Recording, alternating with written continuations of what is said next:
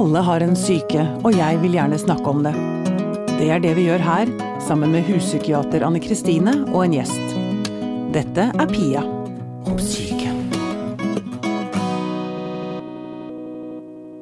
Akkurat i dag så føler jeg meg litt gammel. Jeg har vært hos øyelegen og fått eh, påvist et skred i glasslegemet i øyet.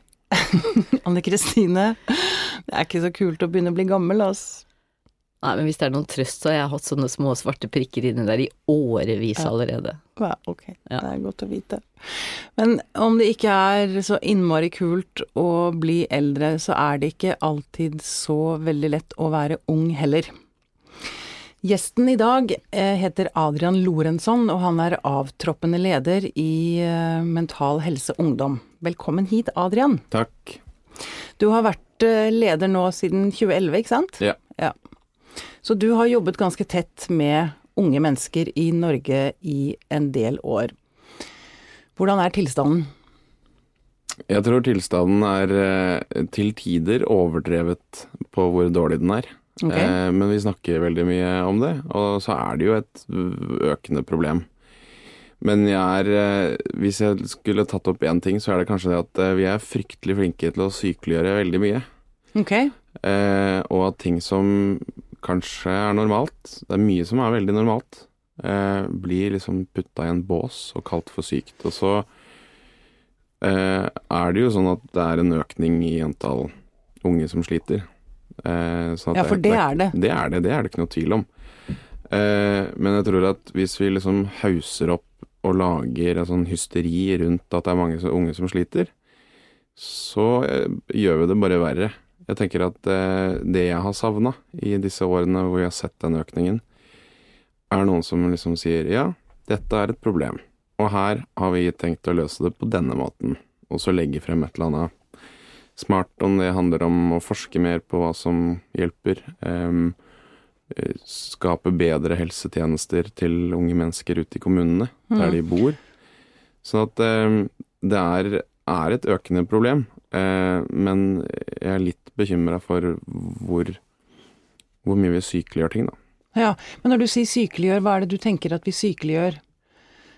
Jeg bare, et, jeg bare fikk en tanke om at eh, jeg husker en som mistet faren sin, som gikk til legen, og som Han hadde en sorgreaksjon, men Mm. legen ville sette han på antidepressiva, og det skvatt jeg så innmari av. Ja, Det syns jeg er helt pussig. Og det er vel DSM-5, så har vel sorg blitt en diagnose. Ja. Og det er eh, Det syns jeg er problematisk. Samtidig så er det Jeg har vært sjukmeldt pga. sorg.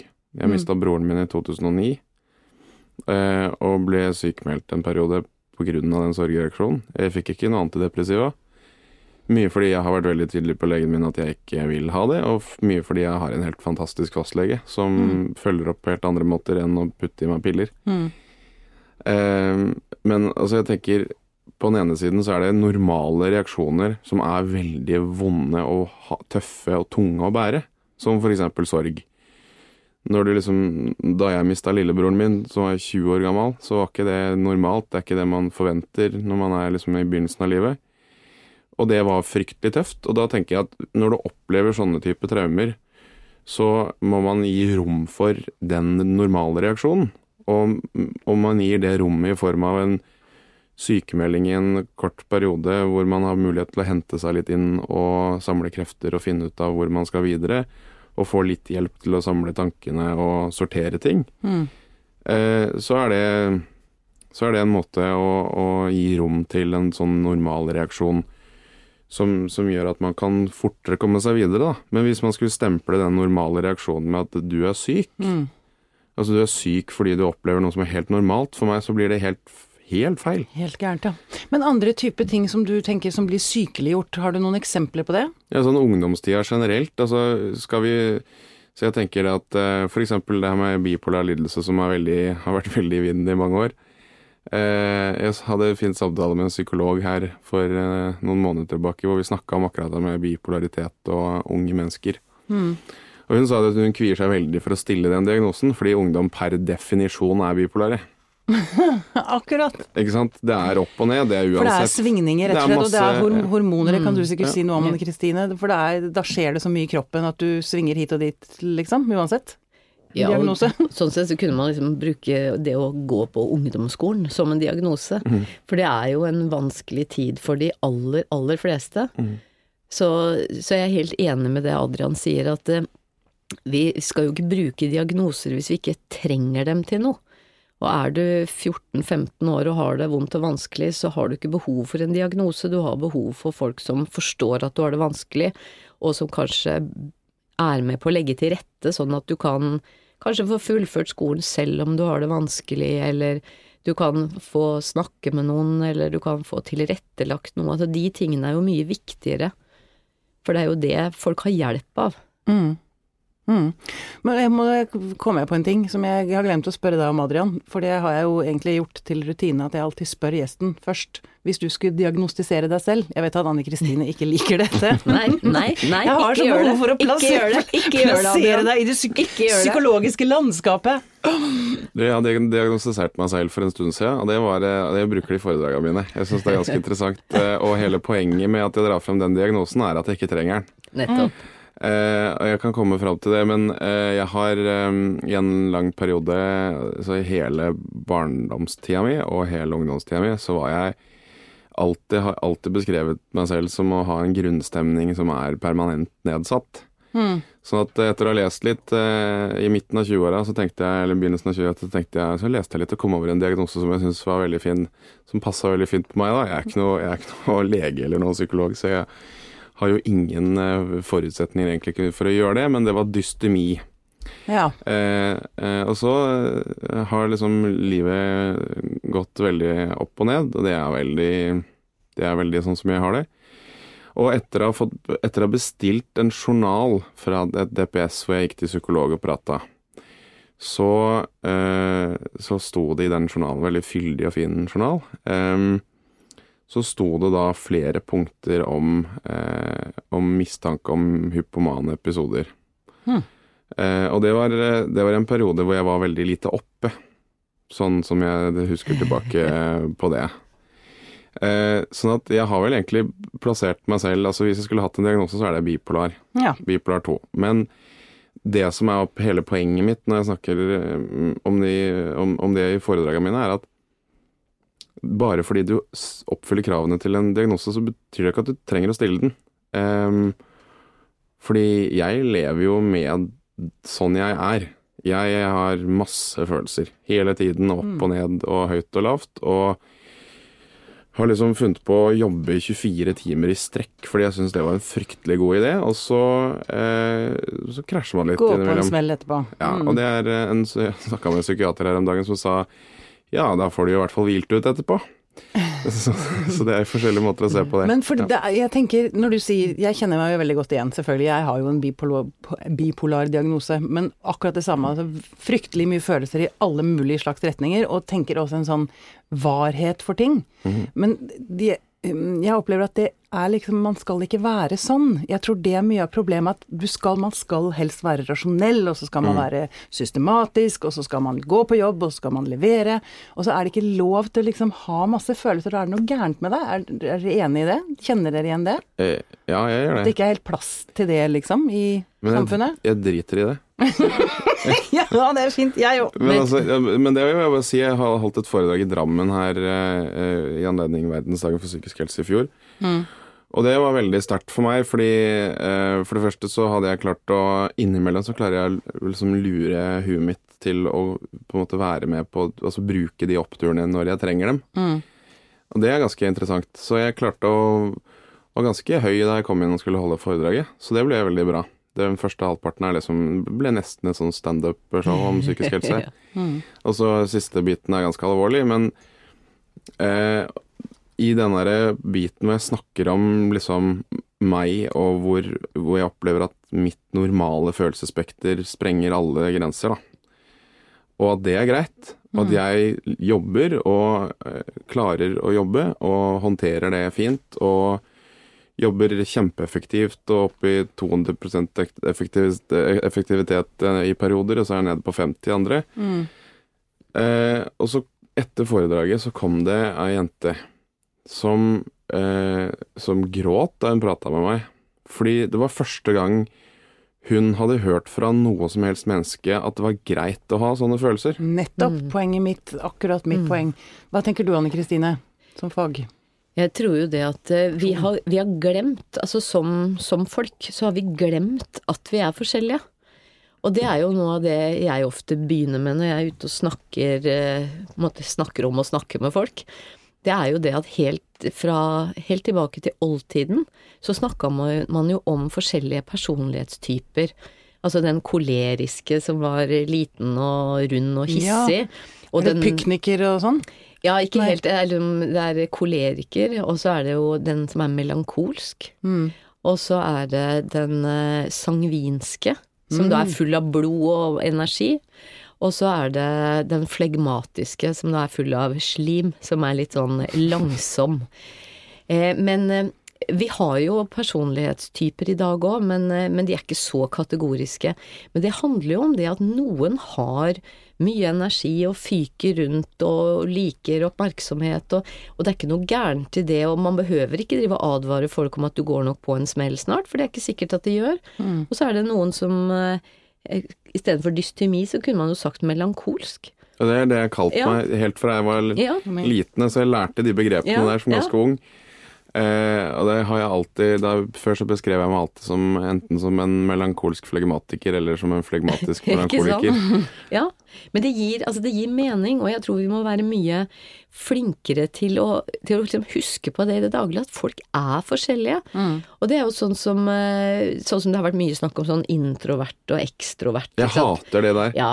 Jeg hater det, fordi jeg på en måte kan være begge deler Mm. så veldig, og så er det på en måte så veldig kategorisk. Og så, har det, så begynner det å dukke opp liksom sider på Facebook, og så oss introverte. Bare Ja.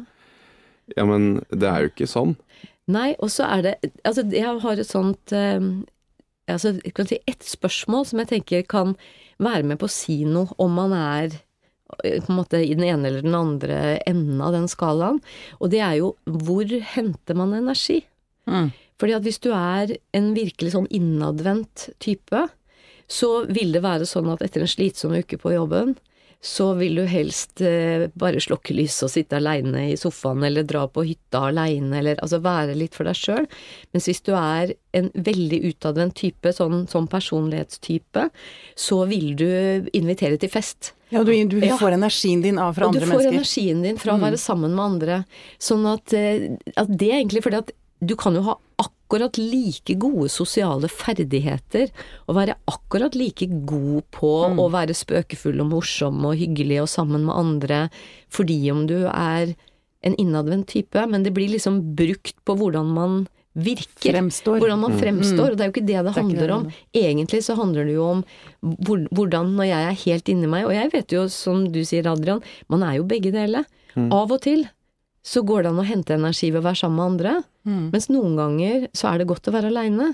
Det betyr jo det at de fleste av oss er et sted liksom midt, midt Ja, ja, i laget. jeg Ja, for jeg er uenig med deg, Adrian. Jeg er veldig glad, jeg ble veldig glad da dette med introverthet kom på banen, fordi jeg tenkte å herregud, endelig får jeg lov til å bare lukke døra og være i fred, uten at jeg liksom At jeg, Ja. jeg ga meg selv lov til det, da. Mm. For man skal jo være Altså, et, det en festløve. Ja, og det er det er for så vidt sant det du sier, og det blant annet det at man har blitt mer oppmerksom eh, på det i, eh, i rekrutteringsprosesser når man skal ansette nye folk. At man er mer oppmerksom på at det finnes andre typer som ikke er de som eh, liksom sprudler over på intervjuet og liksom klarer å selge seg selv. Men jeg syns på en måte det bare fortsatte, og så fortsatte det på en måte ut i det Det ble for mye, da. Og det er sånn som alle sånne trender blir. Ja. Det er sånn som mindfulness også har blitt sånn for meg. En sånn mirakelkur som skal Ja, ja. løse alt. Og det, Det gjør ikke det. det gjør ikke det. Ja, det, kan være, det kan være dritskummelt også. Eh, det glemmer folk. Ja, det er sant, men så- ja, og jeg er enig med deg, for det, det blir så ofte så veldig hypa opp. Så- Men en annen ting som var i den samme veiva som introvert eh, kom, eh, høysensitivitet. Mm. For det tenker jeg når jeg hører deg snakke, Adrian. At når man er ekstremt følelsesstyrt, så er, man, er det automatisk at man også er veldig sensitiv på andre At man tar inn veldig mye, liksom. Det er vel ikke nødvendigvis sånn at det har en automatisk sammenheng, men, eh, men jeg har som deg tro på det at noen mennesker tar inn mer av det som er rundt, og da blir man jo mer sliten. Altså hvis man er veldig var for andre menneskers eh, tanker og følelser, så, så blir det jo veldig slitsomt å være i et rom eh, over lang tid, altså med mange mennesker, og at da trenger man å trekke seg tilbake innimellom. Men altså det, tenker jeg også, det er jo bare en, det er bare så, noen, noen er sånn. Men, eh, men det vi har i dag, det er jo et samfunn som, hvor det normale er blitt veldig trangt, og hvor det å være faktisk være, hva skal vi si, litt narsissistisk, altså litt sånn selvopptatt, eh, har litt overdrevet stor selvfølelse, altså det er det som har blitt normalen. Og så blir alle andre som da ikke strutter av eh, selvfølelse og, og er veldig, veldig utadvendte, faller litt igjennom. Ja. Men det betyr ikke det at det er unormalt å være stille og sitte på rommet sitt og ha én venn. Det er Og det betyr normalt. ikke at man nødvendigvis skal begynne med antidepressiva. Definitivt ikke, og det betyr ikke at man skal prøve å være annerledes heller. Mm, Det er noe med det, ja. Men det er noe med å finne plassen sin. og Mm. Jeg tenker spesielt for unge, da. Det å finne plassen sin i dette samfunnet vi nå sitter og Mm. beskriver. Én ting er for meg som snart er 50, Mm. eh, liksom, som har levd og holdt på en stund og, og liksom fått testa litt grenser og litt sånn, men jeg bare tenker på at, å være 18 år i dag, eller 16. Mm. Eh, har du noen tanker om det, eller Adrian? Ja, jeg vet ikke, å finne plassen sin jeg, det, det jeg har sagt eh, til foreldre og til unge mennesker, medlemmene i Mental Helse Ungdom og de som kommer og hører på foredragene mine, er jo at eh, ikke stress. Det er, eh, altså det er så mye som man skal, og man skal finne seg sjæl oppi alt det hele. Eh, og ting eh, kan eh, kommer til å du, du kommer til å gå på trynet.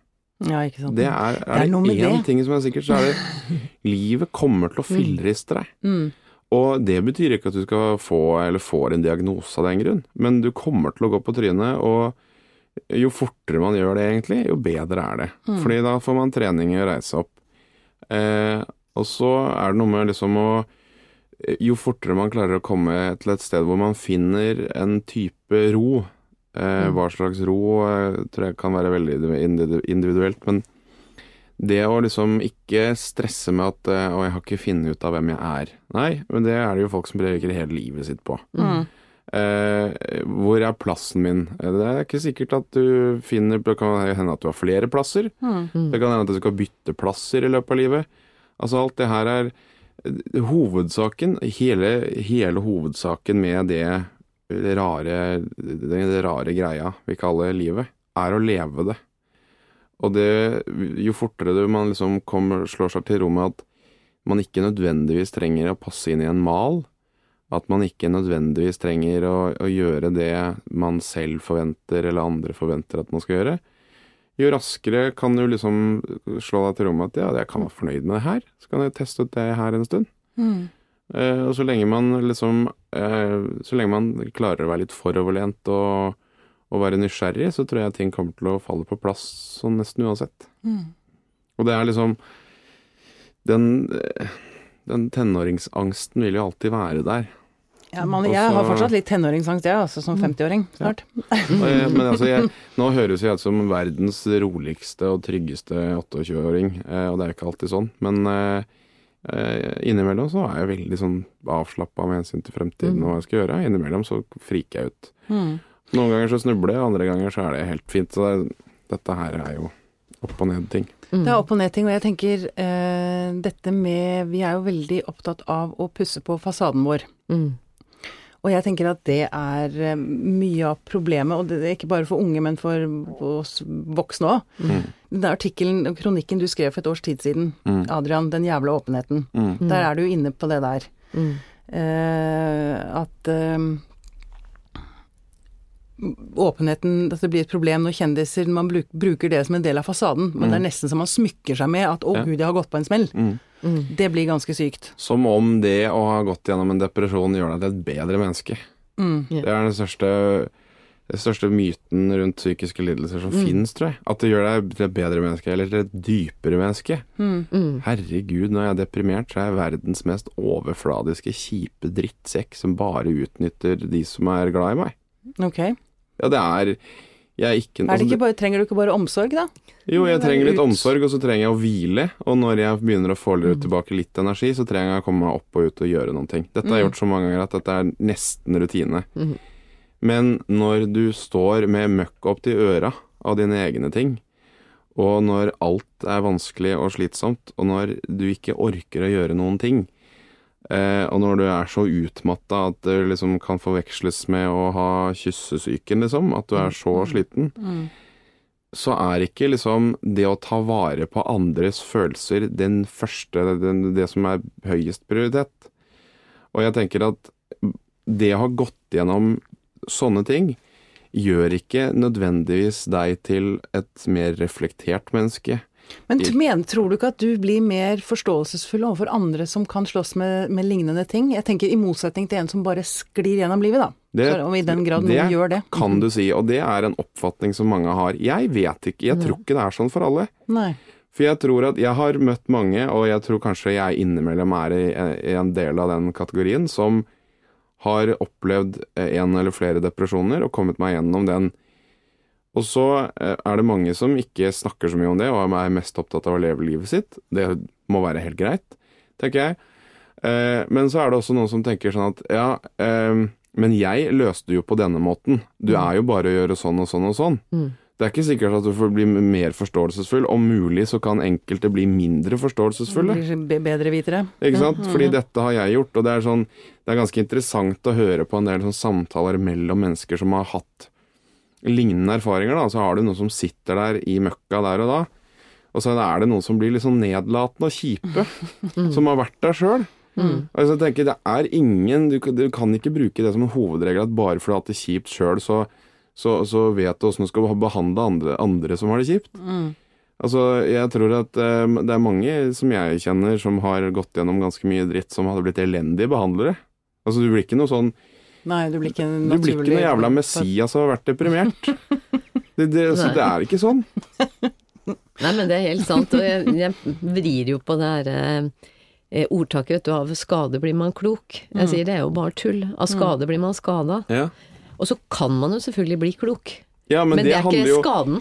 Men det handler jo om eh, på en måte det er menneskets egen evne til refleksjon. Ikke sant? Altså Det handler om hvorvidt du er i stand til å lære av noens feil, dine egne eller andres. Det er selvfølgelig mye kulere å lære andres feil, for da slipper du å gjøre det sjøl. Ja, ja. Men i, i den grad du er i stand til å lære av feil, handler jo om, om i hvor stor grad du faktisk kan tenke tilbake og reflektere eh, over hva som gikk gærent, og hvordan du kan gjøre det bedre. Altså Om du er et bra menneske, handler ikke om hvilke psykiske lidelser du har hatt. Det handler om din interesse for å være et godt menneske. Hvis du er interessert i å være ålreit mot andre, så er sannsynligheten ganske stor for at du klarer det.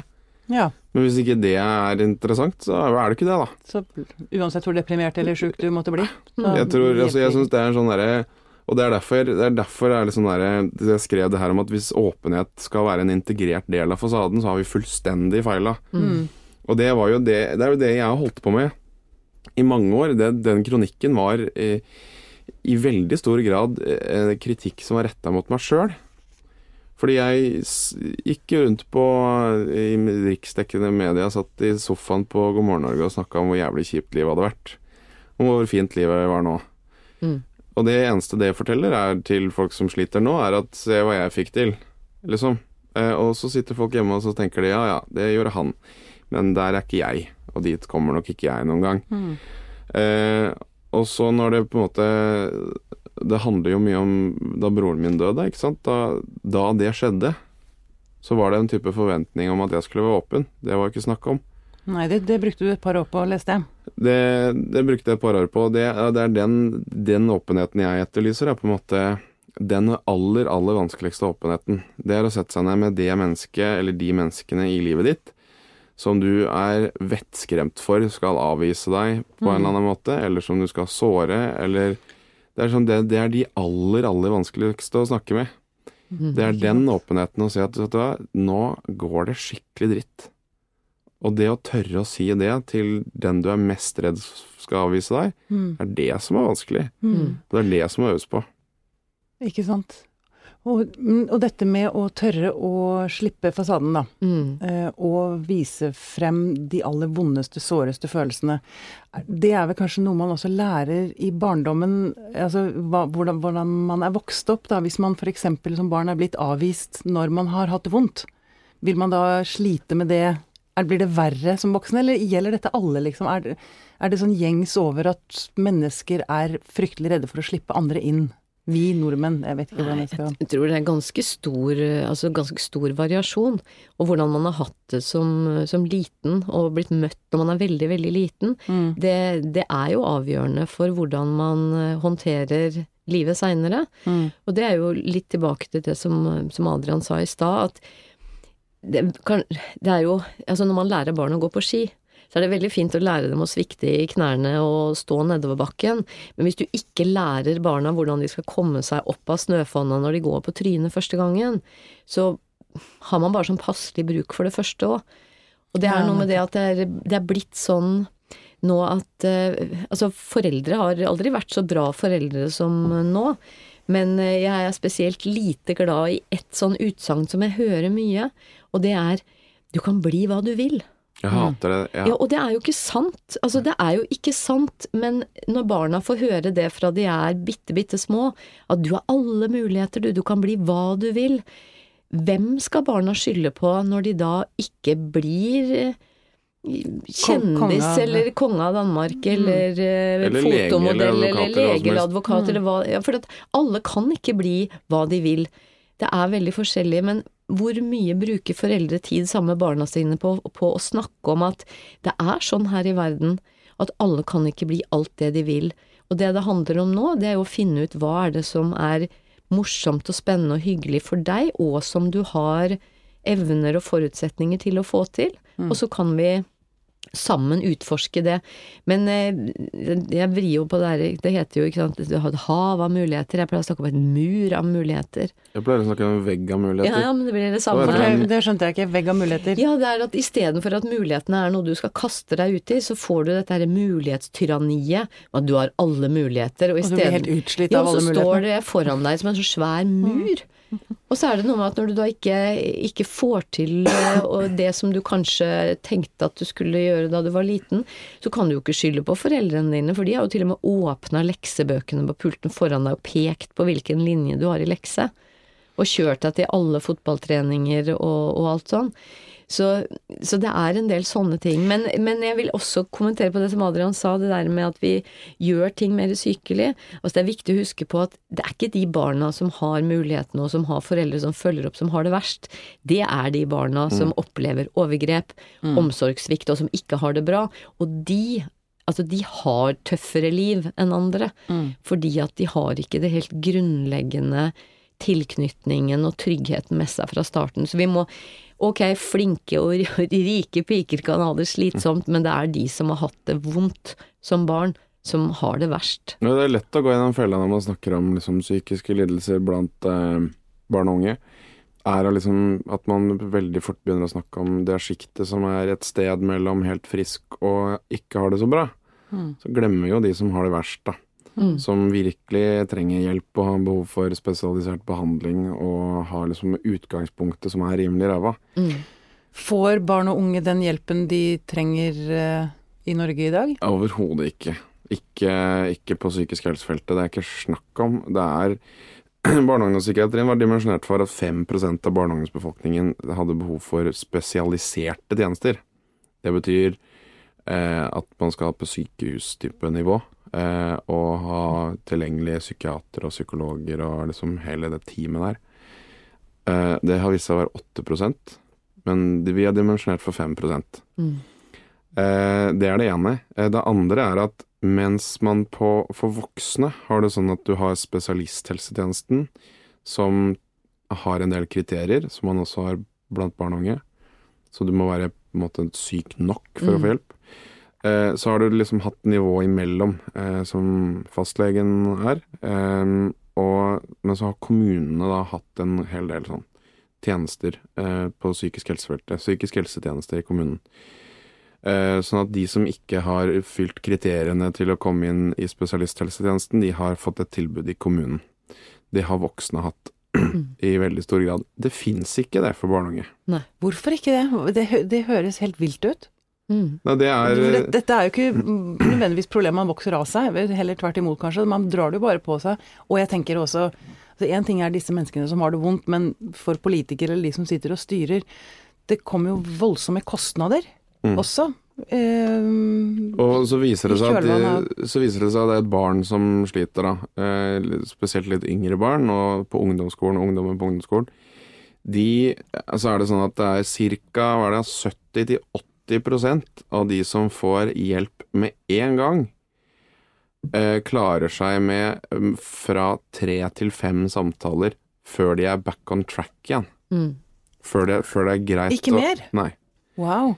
Og Også, det men, de- og det får de ikke? Nei, det er de kommunene som har testa ut, som har mm. Nøtterøy vet jeg at eh, kommunepsykologer som jobber veldig aktivt med det der, og veldig målretta. Så er det, det, er, noen få kommuner som gjør det, men det Men jeg blir veldig sint av å høre at det er noen få kommuner som gjør ja, det. Mm. det er, men det, vi har vært veldig sinte i mange år og har gjentatt det er til det Men det skjer ikke noe. kjedsommelige. Men hva sier, folk, hva sier politikerne? Og, ja, men, så, ja, men de nikker og smiler og sier at ja, det er viktig, ja. Så, ja, eh, og så, så føler jeg at vi, vi har liksom slått alarm om det her, da. Ganske mange ganger. Og spesielt eh, nå har jeg ut, uttalt meg på, for fjerde året på rad om at det er en eksplosiv eh, økning i antall eh, unge jenter spesielt, da, som får antidepressiva. Mm. Og så sier vi det. Det de får er antidepressiva og ikke noe mer. Det er et problem.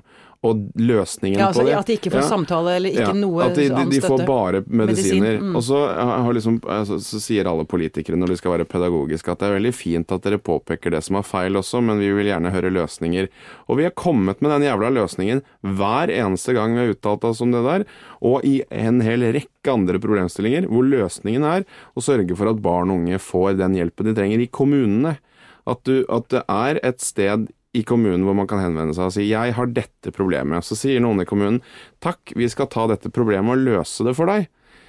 Vi skal hjelpe deg, og så skal vi ikke slippe før det problemet er løst. Om hvorvidt det innebærer spesialisthelsetjenesten eller ikke, det spiller ingen rolle. Så lenge kommunen har det ansvaret og tar det ansvaret, og løper med den ballen fram til det problemet er løst, så ville man unngått den eksplosive økningen i antidepressiva. Man kunne jobba mye mer målretta med selvmordsforebygging. Man kunne gjort så mange ting, og man kunne fått ned andel unge uføre pga. psykiske lidelser. Og nøkkelen her er det å få hjelp med en gang. Fordi altså, jo fortere du får den hjelpen, jo kortere tid trenger du i behandling, og jo enklere er det å holde seg i arbeid, arbeid eller skole eller hvor du nå er. Em, ser vi noe lyst? Håp? er det noe som går riktig vei? Det kan være vanskelig ja, Innimellom så er det vanskelig å se noe lys i tunnelen. Nei, og så lenge det som jeg ser på som positivt, er så lenge vi har engasjerte, aktive stemmer både i eh, fagorganisasjonene og i brukerorganisasjonene, så ser jeg lyst på ting. Og meg. Og deg. Og så er jeg helt enig i det med den enkelthistorier. jeg er jo en enkelthistorie. Jeg er en sånn person som har snakka veldig mye om meg sjøl. Jeg liker veldig godt å snakke om meg sjøl, og jeg er en uforbederlig PR-hore. Det har jeg vært ganske åpen om. Jeg liker å eksponere meg, det er en av de tingene som gjør at jeg føler meg bra. Så det, men det er jo Jeg kjenner ikke så mange som er åpne om det, at de liker oppmerksomhet. Jeg Nå liker var du ordentlig flink, Adrian. Men Det er jo ikke nødvendigvis forbundet med sånne gode personlige egenskaper, men sånn er det nå. Men eh, det er jo det at eh, du har de der enkelthistoriene, så blir ting fryktelig anekdotisk. Og det er ikke noe å bygge politikk på. Eh, Det er ikke noe å utvikle et helt felt på. Uh, Og det jeg savner, på en måte, sånn gjennomgående, er liksom mer det, det du sier. Mm. Med systematikk og det å være sånn, litt systematisk i sin tilnærming, da.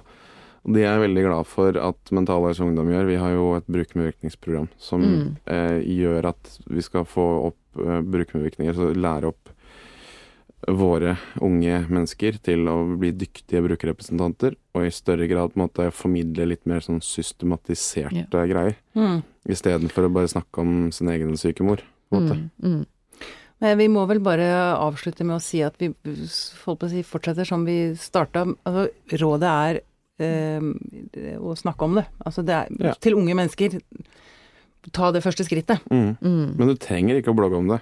Du kan, Nei. det er bedre å snakke med mamma eller pappa, liksom. Eller kompisen din. Ja. Det- Eller, ja. Ja, trenger ikke å blogge om det. Jeg kjenner ei som har Men det blogga kan, det kan funke det, og det har jo funka for deg, eller? Ja, altså, jeg har ikke jeg blogga, jeg men å være, og, og du vil ha oppmerksomhet. Ja ja, men det er noe annet. Men det, er Det er vel det man vil når man blogger òg, er det ikke det? Snakke om det. Altså, jeg, jeg vet om meg som har skrevet blogg i, mens hun har vært veldig dårlig. Mm. Det er hun ikke like happy for i dag at hun gjorde. Nei, ikke sant. Mm. Vær litt forsiktig med, med selfier og Altså og utlevere, f- ja, utlevere ja, utlevere sånn sykdommen sin, eller liksom Mm. den det viktigste er å snakke med hvordan man har det til de nærmeste. Men man kan De godt skrive blogg om hva faen du vil ellers, på en måte. Ja. Oppmerksomhet Søk er oppmerksomheten et annet sted enn akkurat på sykdommen din. Det Ja. svakeste punktet ditt, holdt jeg på å si. Mm. Mm. Det kan bli sånn vondt i ettertid. Ja. Mm. Bra. Tusen takk skal du ha, Adrian, for at du kom og snakket med oss. Takk for at jeg fikk komme. Takk for i dag. Denne podkasten er produsert av Tid og Lyst.